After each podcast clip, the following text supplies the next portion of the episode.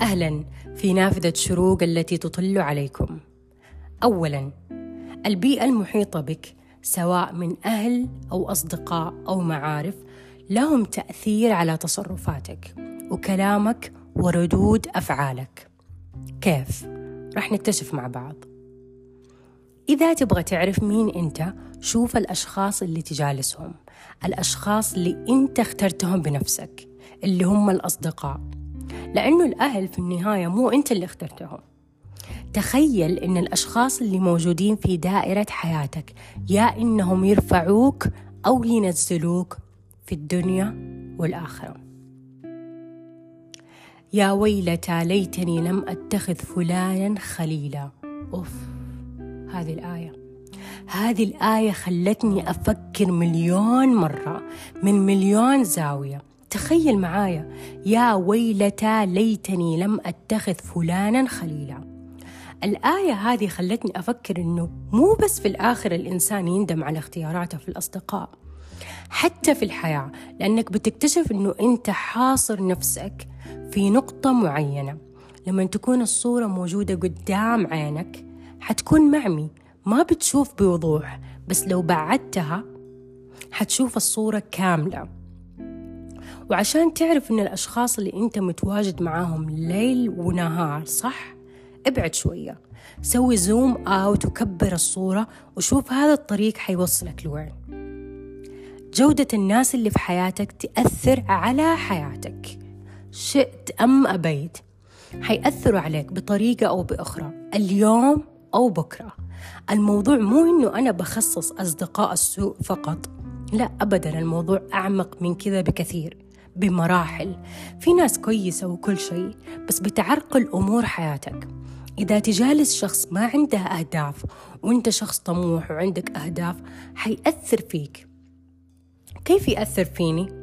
يا إنه حيقول لك كلام يحبطك يا إنه يكون عنده نفس على الشيء اللي أنت بتسويه.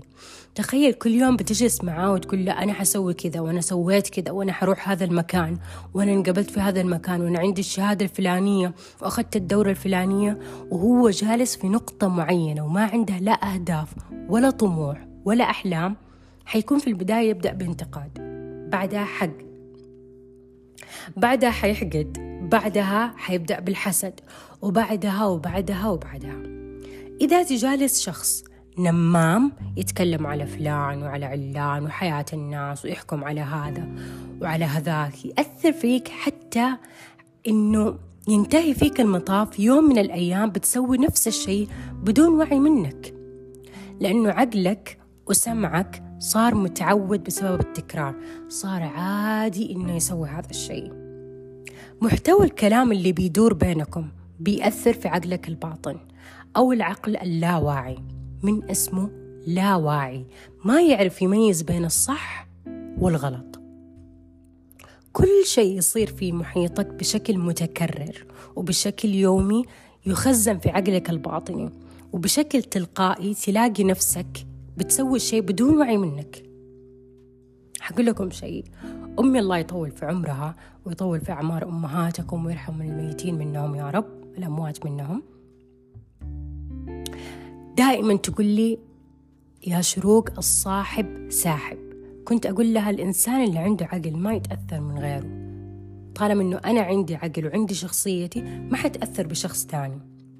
والحين أقولها لكم الصاحب ساحب سواء بإرادتك أو بدون إرادتك.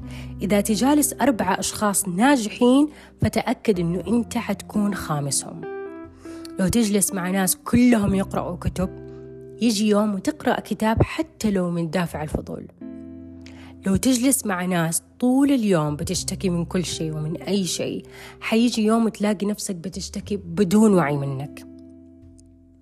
كل الأشياء اللي تشوفها وتسمعها تأثر في تصرفاتك في ردات فعلك في طريقة كلامك في انتقائك للكلمات. عشان كذا جاور السعيد تسعد.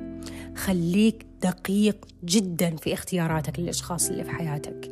لأنهم سبب يا إنك تتطور وتتقدم يا إنك تكون في نفس النقطة اللي أنت فيها يا إنهم يرجعوك لوراء وآخر اثنين هم أسوأ شيء ممكن تسويه لنفسك ولحياتك اللي حتعيشها لمرة واحدة. عائلتك ما تقدر تختارهم ولكن أصدقائك اختيارك أنت.